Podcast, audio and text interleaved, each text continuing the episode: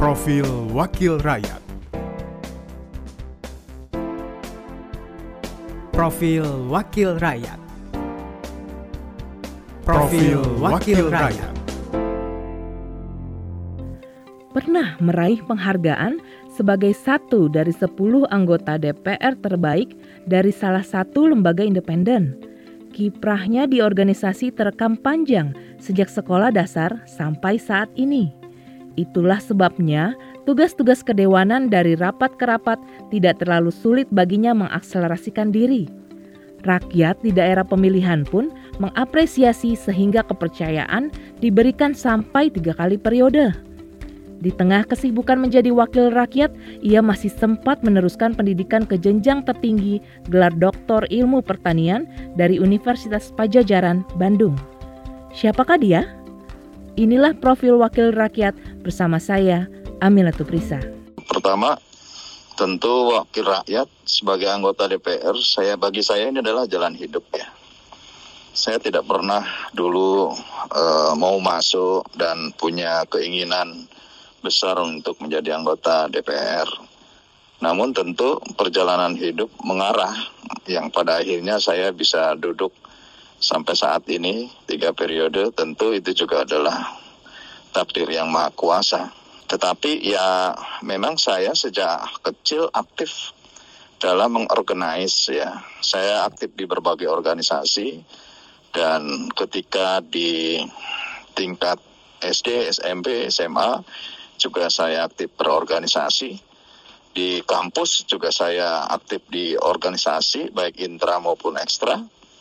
Dan itulah bekal yang kemudian menjadi uh, anggota DPR saat ini dan tujuannya ya tentu menjalankan amanah rakyat. Kalau fungsi DPR itu adalah legislasi, anggaran dan pengawasan, itu memang sejatinya seorang anggota DPR bertugas untuk membawa aspirasi dan harapan rakyat. Herman Hairon, pria asal Kabupaten Kuningan, Provinsi Jawa Barat, yang lahir 4 Mei 1969. Menyelesaikan pendidikan sarjananya di Fakultas Teknik Unisba Bandung. Karena kecintaannya kepada dunia pertanian, membuat ia melanjutkan pendidikan magister di IPB dan program doktoral di Universitas Pajajaran Bandung. Sebagai wakil rakyat, ia dikenal bekerja total. Kiprahnya pada saat menjadi pimpinan Komisi 4 DPR yang membidangi pertanian dan kehutanan terekam lewat sejumlah produk legislasi yang fenomenal. Dulu saya pernah memimpin Komisi 4 selama 8 tahun, bidang pertanian, kelautan perikanan, kehutanan, dan pangan. Ya, kita berbicara betul-betul bagaimana mempertahankan kedaulatan, kemandirian, keamanan pangan. Bahkan saya menjadi ketua panja undang-undang yang secara langsung saya menjadi uh, ketua panjanya Undang-Undang Pangan 18 tahun 2012, Undang-Undang Hortikultura nomor 13 tahun 2010, Undang-Undang Perlindungan dan Pemberdayaan Petani nomor 19 tahun 2013, kemudian Undang-Undang Perikanan, Undang-Undang Kehutanan, undang-undang pemberantasan pembalakan uh, liar, kemudian undang-undang uh, perlindungan pemberdayaan nelayan, pemberdayaan ikan, petambak garam, undang-undang perkebunan. Jadi hampir banyak undang-undang yang tentu selama 8 tahun itu yang uh, menjadi kebijakan negara dan saya mengawal supaya betul-betul undang-undang itu afirmatif. Undang-undang itu memberikan dampak yang terbaik bagi rakyat. Karirnya sebagai wakil rakyat sejak tahun 2009 bisa dibilang cemerlang. Fraksi Demokrat selalu mempercayainya memimpin Komisi 4, kemudian Komisi 7, dan juga pernah di Komisi 2. Penghargaan khusus diperolehnya dari Lembaga Panggung Indonesia yang menobatkannya menjadi satu dari 10 anggota DPR terbaik tahun 2017. Ia menekankan tugas-tugas di DPR tidak akan berhasil tanpa dukungan teman-teman sesama wakil rakyat seperti saat mengurai kusutnya masalah pertanahan yang merupakan bidang tugas Komisi 2. Ini juga yang menurut saya sedang gencar-gencarnya pada waktu itu untuk melakukan uh, sertifikasi tanah-tanah rakyat yang uh, kita subsidi dari biaya negara sehingga mereka digratiskan dan kalaupun kemudian ada tarif-tarifnya juga kita rendahkan.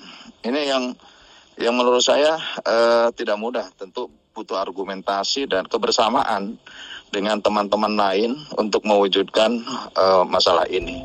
Tour of the Day kemudian mengantarkannya ke Komisi 6 yang membidangi masalah ekonomi, BUMN, koperasi, perindustrian, dan perdagangan.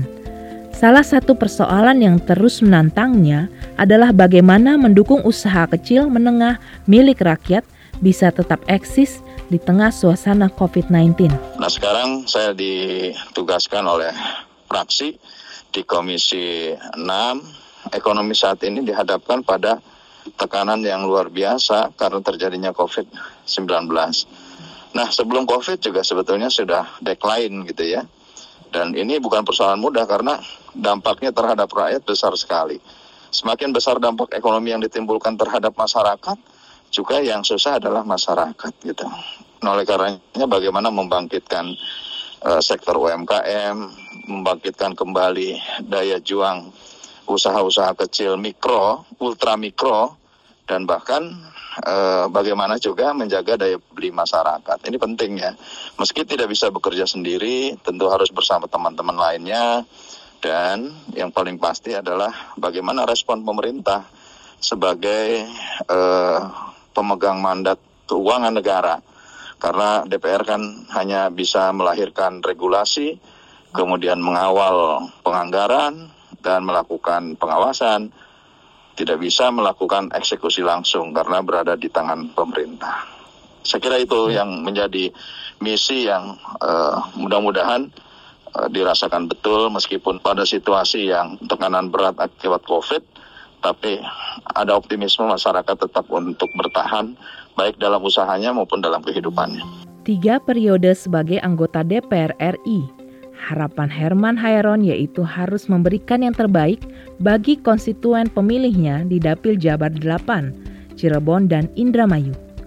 Namun sebagai anggota DPR RI tentu juga bertanggung jawab kepada seluruh rakyat Indonesia.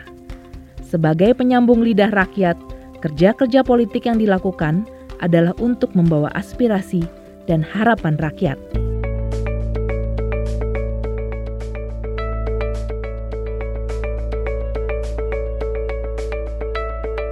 Profil Wakil Rakyat. Profil Wakil Rakyat. Profil Wakil Rakyat